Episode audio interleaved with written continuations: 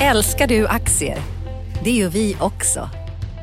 Sea Worldwide Asset Management är en av Nordens största oberoende aktiva aktieförvaltare och har samlad kunskap sedan 1986.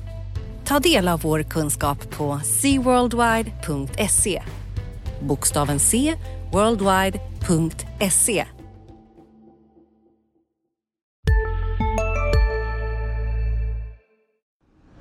Analyspodden görs i samarbete med Akavia, det nya fackförbundet för dig som är akademiker.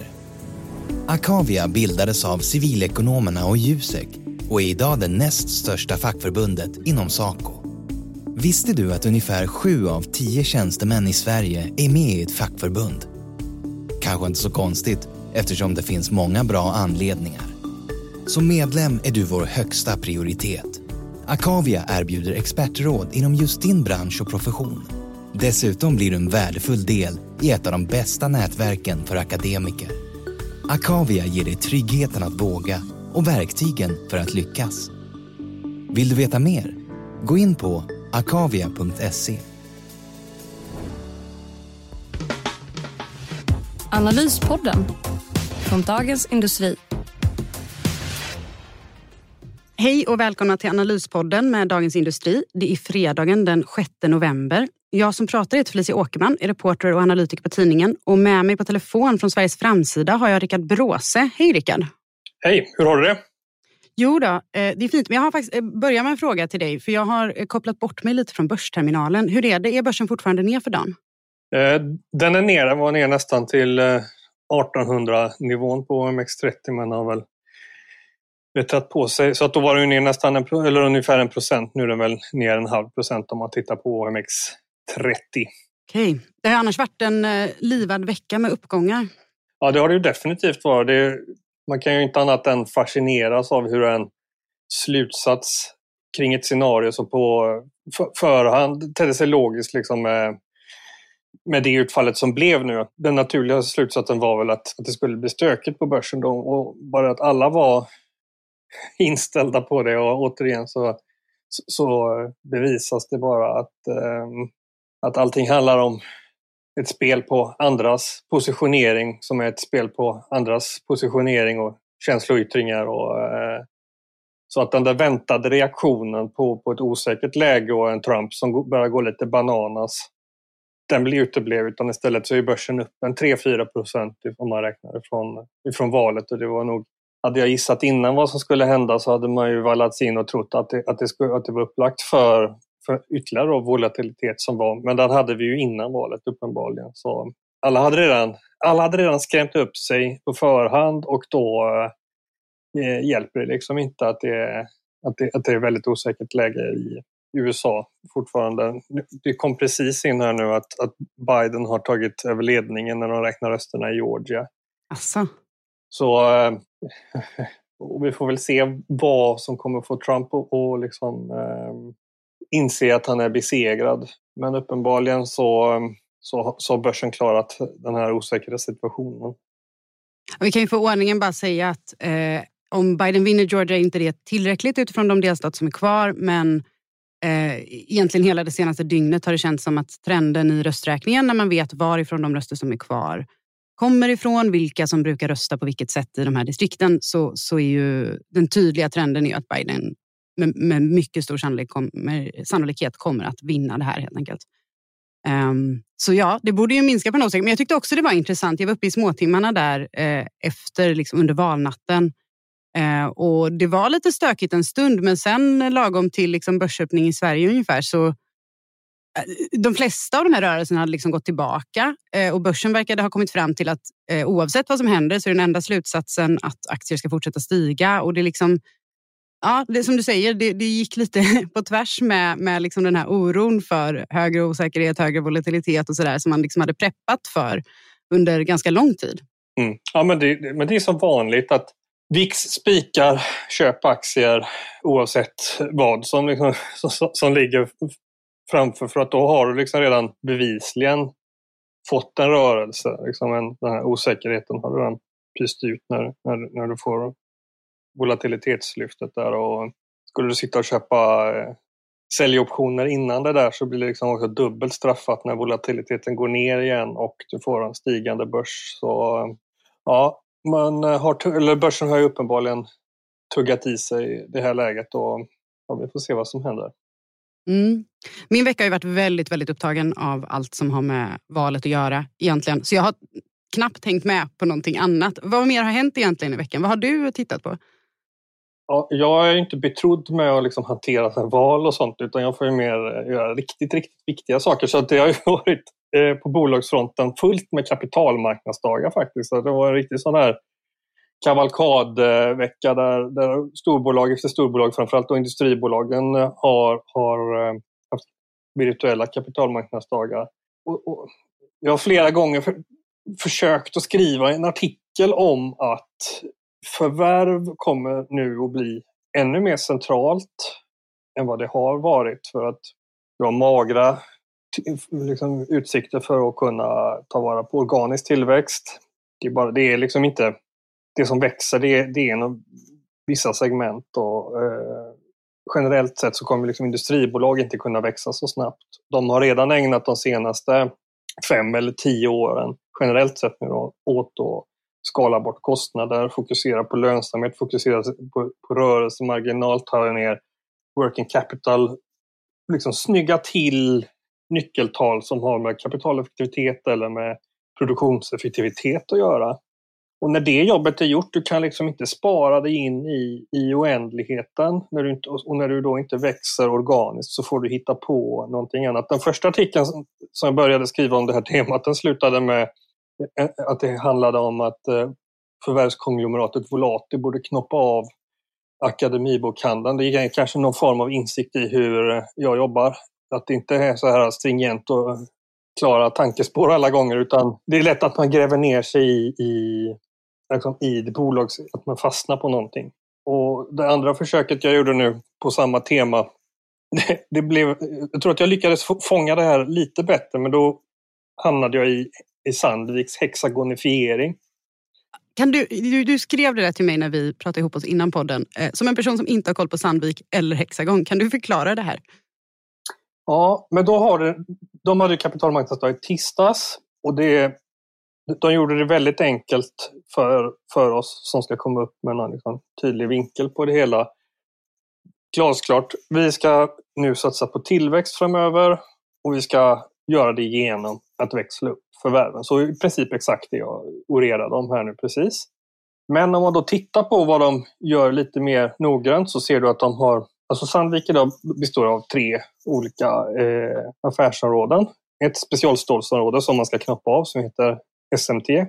Så den kan man ju liksom, den är väl lite ut ur bilden skulle man kunna säga. Eh, och då har de två delar kvar, en gruvutrustningsdel och en det de kallar för Sandvik Machining Solutions. Machining Solutions som har väldigt starka ställningar kring bearbetningen i en industriproduktionsprocess. Den delar de upp nu i sin tur i två delsegment som är där man lyfter fram då någon form av manufacturing solutions eller manufacturing intelligence eller om man skulle kunna kalla det för. De, de kallar det för manufacturing solutions så att det är kanske lättast att jag också gör det. Det är den delen där de ser att det finns en marknadstillväxt. När allting annat ska växa 2-3% organiskt för dem. Alltså att en marknad som, som de räknar med 2-3% så ska den här delen växa med 10% Och det är den här delen som vad ska man säga, är den närliggande mot Hexagon. Så det, det Sandvik säger att de ska göra är att de ska integrera fler led i en produktionsprocess. Så att de att de lägger till moment, alltså relaterad mjukvara till exempel. Man gjorde ett Metrology-förvärv för något år sedan och bara häromdagarna så köpte man ett företag som har en produkt eller tjänst som heter Vericut som är industristandard för simulering av det som heter CNC-bearbetning. Det här är sånt som Hexagon har liksom ägnat sig åt i decennier och köpa den här typen av mjukvarulösningar. Och tittar du på på det över tid så, så ser du liksom att Hexagon och, och liknande bolag, om det är Autodesk eller vad det är, de har liksom vuxit. De har skapat aktieägarvärden i en helt annan takt som de mer traditionella verkstadsbolagen som, ja, som Sandvik då till exempel har gjort. Nu är Sandvik kanske i, i, i sitt i sitt gråa skrå, skrå eller gam, gammelverkstadsskrået klarar sig bättre än många andra. Om du tänker på General Electric har ju de fullkomligt liksom, klappat ihop. Så, så, nu försöker väl Sandvik helt enkelt ta tillbaks lite av, av det här eh, och ta tillvara på att det finns en fusion eller av, av mjuk och hårdvara där de vill då bygga ut i benet helt enkelt. Och de har då samtidigt ett enormt stort förvärvsutrymme. De skulle kunna köpa bolag liksom för en 30 miljarder. Och 30 miljarder för, i förvärv, det kan du liksom rita om, eh, omdefiniera vem du är för, skulle jag säga. Alltså de kan ju bygga ett helt nytt affärsråd om de skulle hitta någonting liksom som de kan göra. Man tänker kanske ofta att, det, att det, liksom, de här transformativa historierna ofta har att göra med lite sämre bolag. Typ som Nokia för några år sedan som var en sargad mobiltelefontillverkare på liksom ruinens brant. Sålde de mobiltelefonerna till Microsoft, de sålde kartorna, de köpte ut Siemens ur det som heter Nokia Siemens Networks som blev det nya kärn området och att de då, då blev eh, renodlat nätverksutrustningsbolag och liksom, gjorde samma sak som, eh, som Ericsson gjorde. Och, det, den, den liksom förvärvsstoryn var ju väldigt snygg så länge det funkade. De köpte, de köpte Alcatel Lucent och de fick, såg ut som att de liksom gick i rätt riktning. Och så slutade det bara med att de hamnade helt snett i 5G och nu blir de ju totalt överkörda av Ericsson.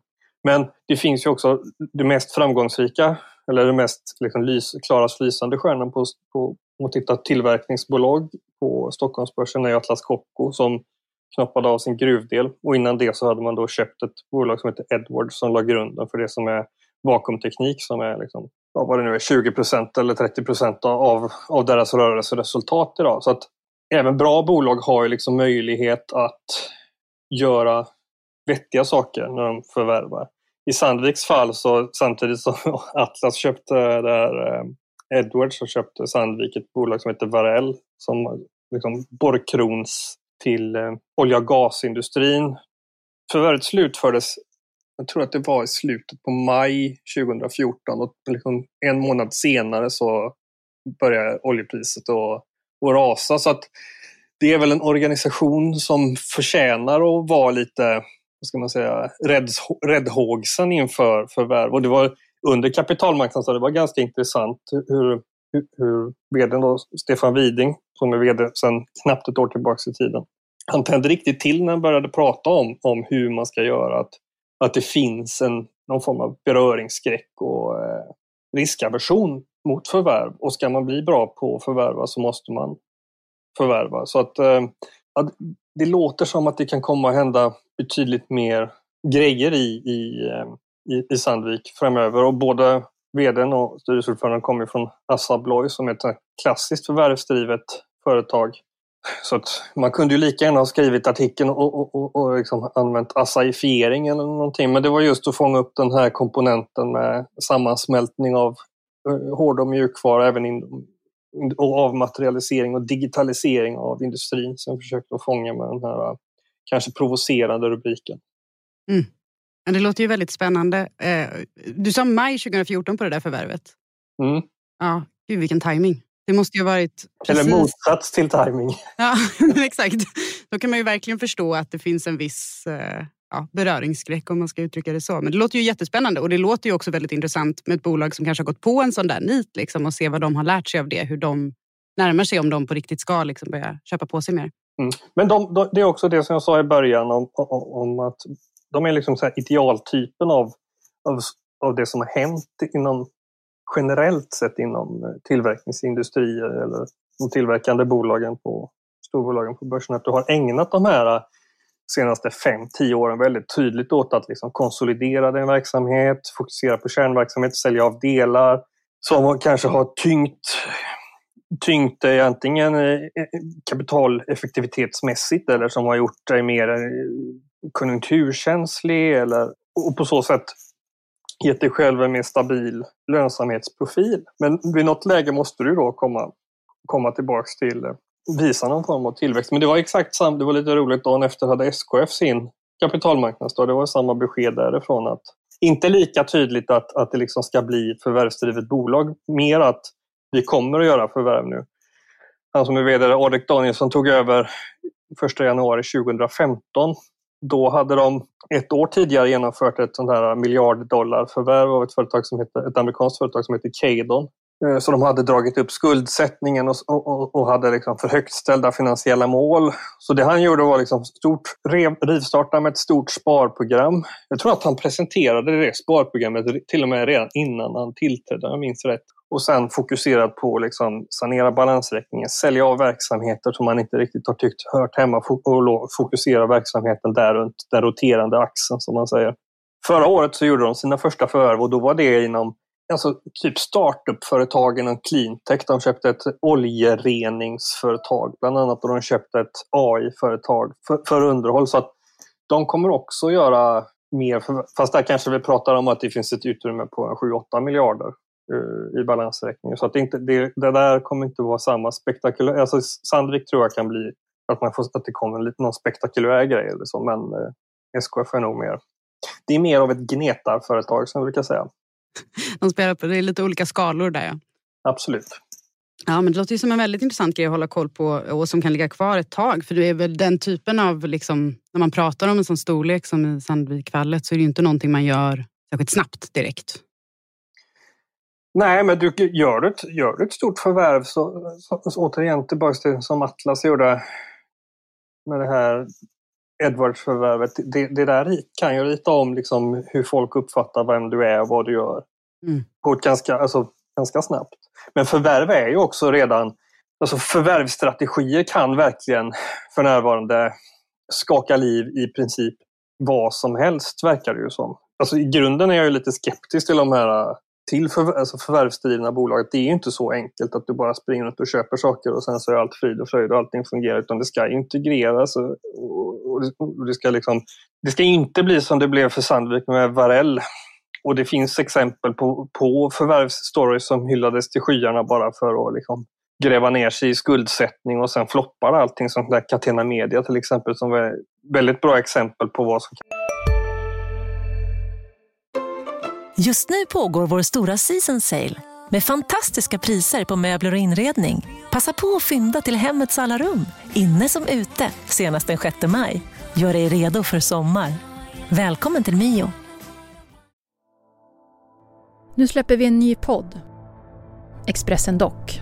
Einar han går in i fel gård, förstår du? Och sen där, en annan skytt jag tror kommer emot honom och, och fortsätter skjuta. Lyssna på premiäravsnittet Mordet på Einar, det sista vittnet. Med mig, krimreporter Nina Svanberg. Hon började skrika på mig. Backa hon började säga. Så vad, vad hände? Så hon bara, han är död. Så jag bara, vad säger du för något? Så hon började skrika, han är död. Så jag sköt honom nu 21 meter. Lyssna i appen eller där poddar finns.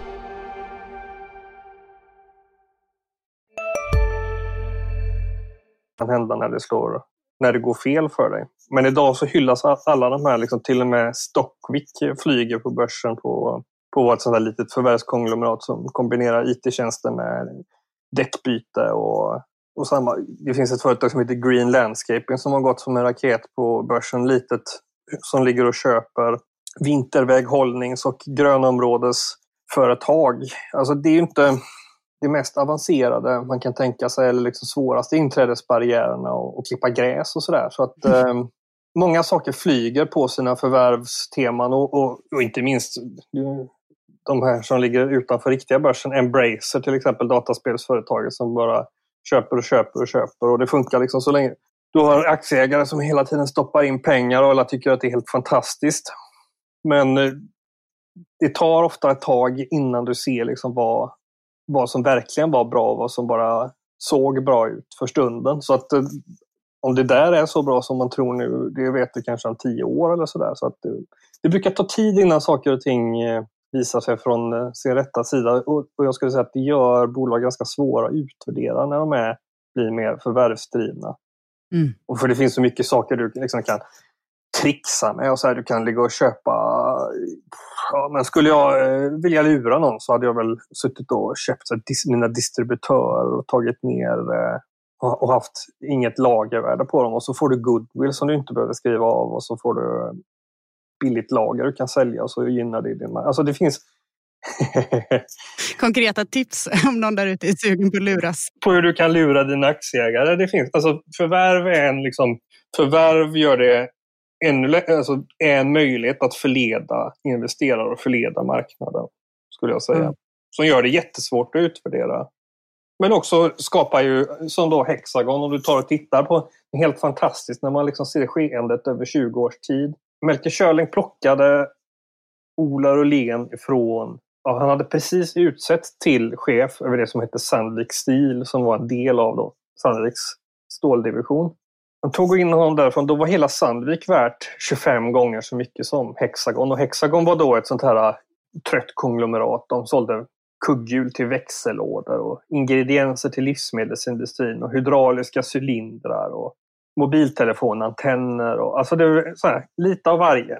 Men så hittade de då ett förvärv i ett amerikanskt företag. Jag kommer inte ihåg om det var i konkurs. Det var i alla fall någon form av stökig situation runt ett företag som heter Brown Sharp. Där köpte de mätteknikdelen och sen dammsög de marknaden på en mätteknikrustningsbolag.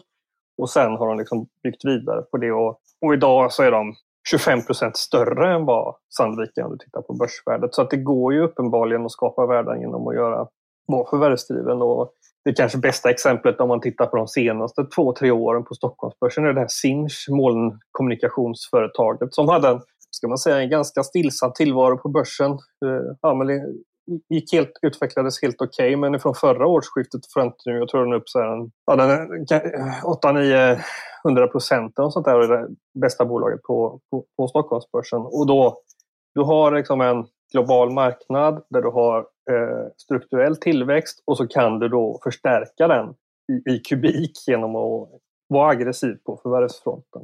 Så det är, det är tvådelat skulle jag säga.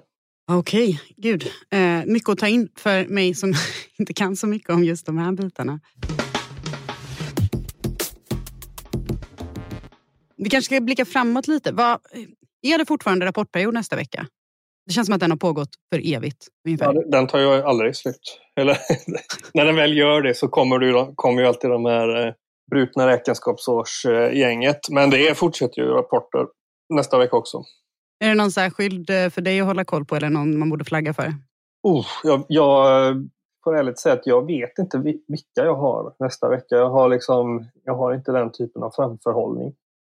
Man får nästan ta det en vecka i taget nu. Jag insåg också när jag klev in här att jag hade typ nästan ingen koll på vad som står på liksom agendan under den kommande veckan.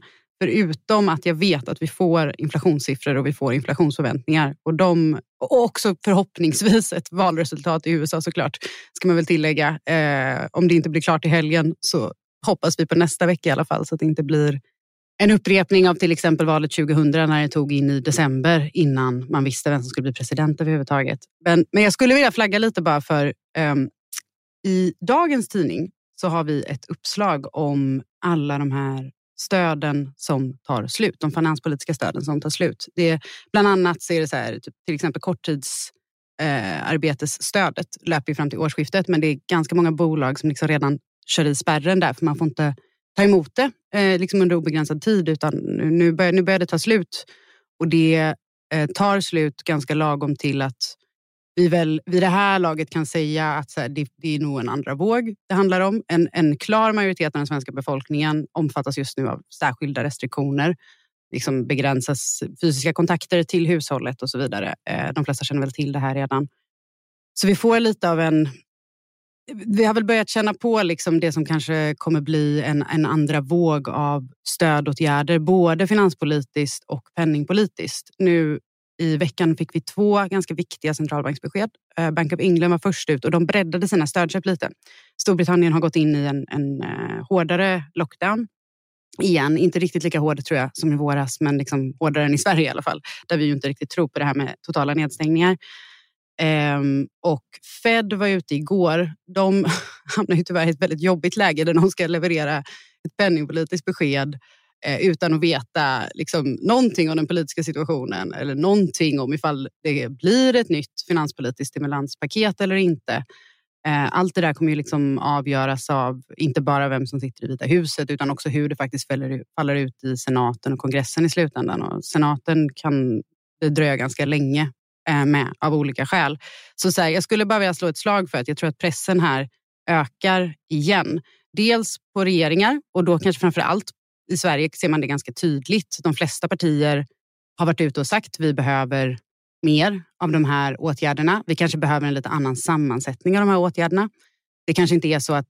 Eh, för det är lite så paradoxalt också att om man tar till exempel korttidsarbetet. Så här, den totala ramen för det stödet har inte utnyttjats fullt ut. Men vi har fortfarande bolag som liksom går i stupstocken nu. Eh, det kan vara så att man måste se över, inte bara att man ska kasta mer pengar på det, utan också titta på, så här, är det så att vi kanske ska ändra villkoren här? Är det så att det finns vissa eh, branscher och vissa företag som behöver kunna ta del av det här stödet under längre tid?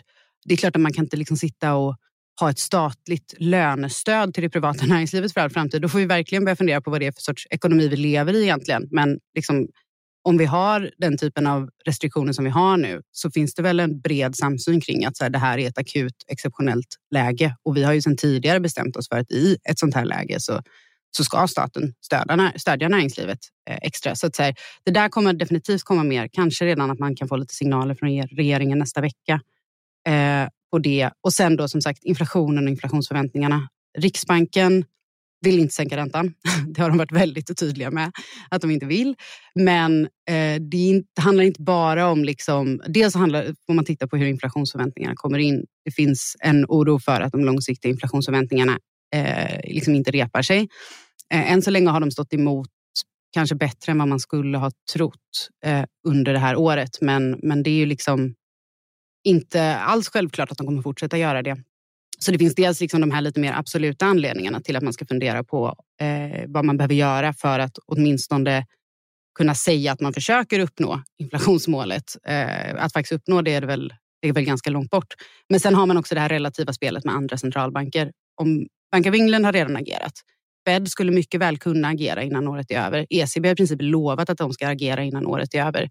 Då blir det svårare och svårare för Riksbanken eh, att inte göra någonting mer. Om inte annat så för att man får effekter via till exempel kronan som påverkar både tillväxt och, och inflation negativt. Um, så, att, så här, det, där, det är väl det som ligger liksom högst upp för min del nästa vecka. Dels att faktiskt få de här datautfallen, men sen också se vad är signalerna från regeringen? Vad är signalerna från Riksbanken? Hör vi något mer från Fed? Blir det kaos i USA så kanske Fed får agera tidigare. Um, ja, det, det, är mycket som händer även nästa vecka helt enkelt. Jag funderar bara på det här med nu, nu går vi på den här andra vågen. Det är väldigt svårt att liksom argumentera för att den inte, liksom, att den inte sker just nu. Det borde ju vara uppenbart. Då har vi ändå haft, jag som sitter och tittar på bolag, då har vi haft två kvartal där bolag som, om vi tar Volvo, mm. som bevisligen var lönsamma även i en krissituation där Alltså fordon var ju, var ju en sån här del som verkligen eh, packade ihop.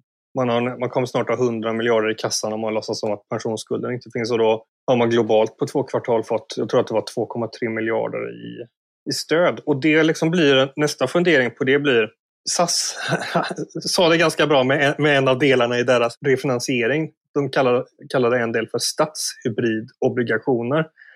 Och det är en grej som jag gått runt och funderat på ganska länge nu. Kommer inte, finns eget kapital eller håller eget kapital på att hybridiseras?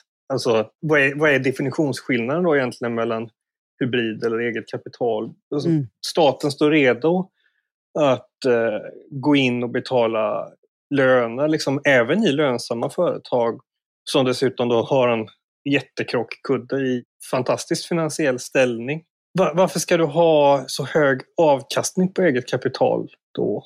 Det undrar jag. Alltså, när kommer du börja rationalisera att du ska ha eh, liksom en free cashflow yield på Volvo som är väldigt mycket lägre än vad den, än vad den är idag? Egentligen, vad är, om du ändå har suddat ut distinktionen mellan det, om du har plockat bort risken ur, ur sammanhanget så, så borde du liksom få ner riskpremien också, eller?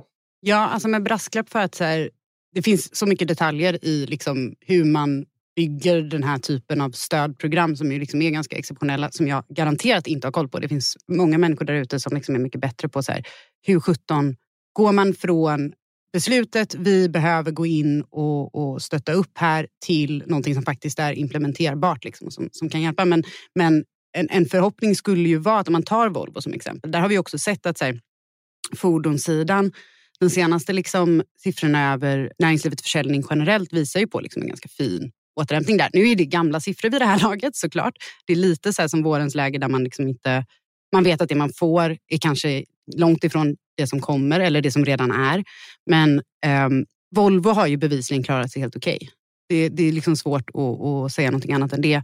Eh, samtidigt som vi har liksom helt andra branscher där utan den här typen av stöd så, så, så pratar vi liksom om att strukturellt höja arbetslösheten ganska kraftigt i sysselsättningsintensiva delar av ekonomin. Och det, det är liksom inte riktigt, det är väldigt kostsamt i längden att göra det. Men, men, men en förhoppning skulle ju vara att man liksom börjar separera ut mer så att till exempel sådana frågor liksom begränsas lite mer till vissa delar av näringslivet. De delar som faktiskt behöver stödet nu akut för sin överlevnad snarare än att det börjar bli nästan de här väldigt generella funderingarna på liksom, hur ska vi värdera, värdera allt? Om du förstår vad jag menar. Det blev lite diffust där på slutet.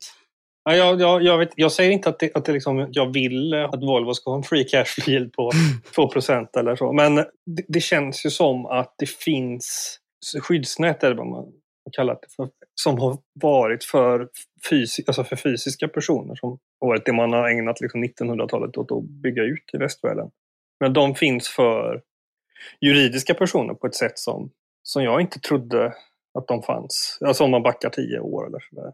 Mm. Men då, då får du den här andra, sån där extremt filosofisk eller världsfrånvänt kanske nivå på, på resonemanget. Men vid något läge, vad är det som hindrar, alltså om eget kapital, någonting som staten ska ombesörja, vad är det som säger att, liksom inte, att det blir gemensam egendom till slut av det? Mm. Ja, kanske, jag kanske ska ta sluta prata nu känner jag. Ja, men jag, tycker, jag, jag, tycker faktiskt att du är inne på något så superintressant som jag har känt liksom under ja, större delen av det här året. Liksom, den där typen av frågor ploppar verkligen upp nu. Och som, som liksom, nyhetsjournalist från början så vet man inte riktigt hur man ska hantera det på något sätt. Eh, men det finns liksom, när, när, vi summerar hela den här grejen och vi är fortfarande mitt uppe i det här förloppet skulle jag vilja påstå. Jag, jag personligen sitter ju och liksom räknar med att det kommer vara någonting i stil med den här situationen. Mer allvarligt eller mindre allvarligt, åtminstone fram till sommaren, kanske ett år till.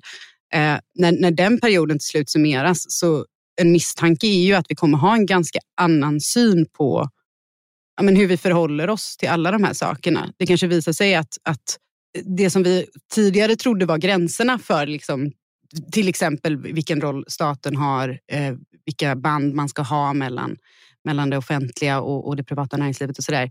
De gränserna vi trodde vi hade kanske vi aldrig någonsin egentligen hade. Det var bara att det var lätt att tro det för att det aldrig testades på riktigt. Liksom. Mm. Um, men, men som sagt, jag, det låter ju som en total cop-out och lite fegt. Men, men jag är fortfarande väldigt mycket så här, jag kan inte dra några stora slutsatser av det här förloppet. För att jag tror inte att vi ens närmar oss slutet än. Liksom. Det kan fortfarande ändras jättemycket. Mm. Ja, med, det, med den filosofiska funderingen kanske vi ska avrunda då. Ja, det är säkrast för alla. Och sen får vi väl tillägga att vi inte har något emot eh, Volvo och att eh, vi hoppas att det säljs mycket lastbilar framöver också. Det är ju två göteborgare som sitter här och pratar. Det är klart vi inte har något emot Volvo. Nej.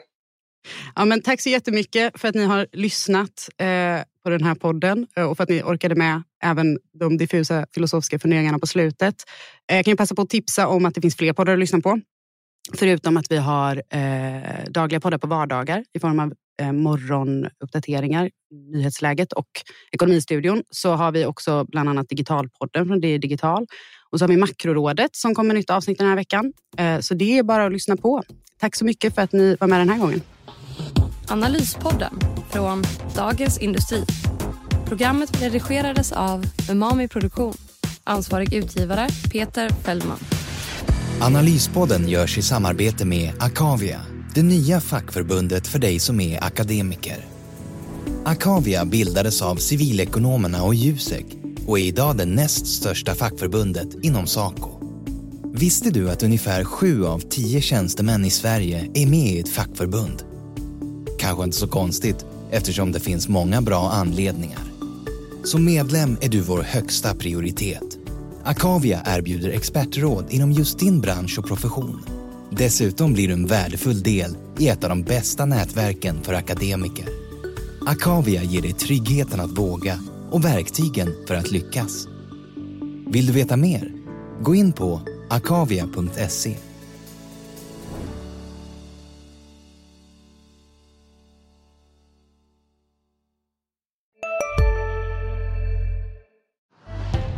Älskar du aktier? Det gör vi också. Sea Worldwide Asset Management är en av Nordens största oberoende aktiva aktieförvaltare och har samlad kunskap sedan 1986.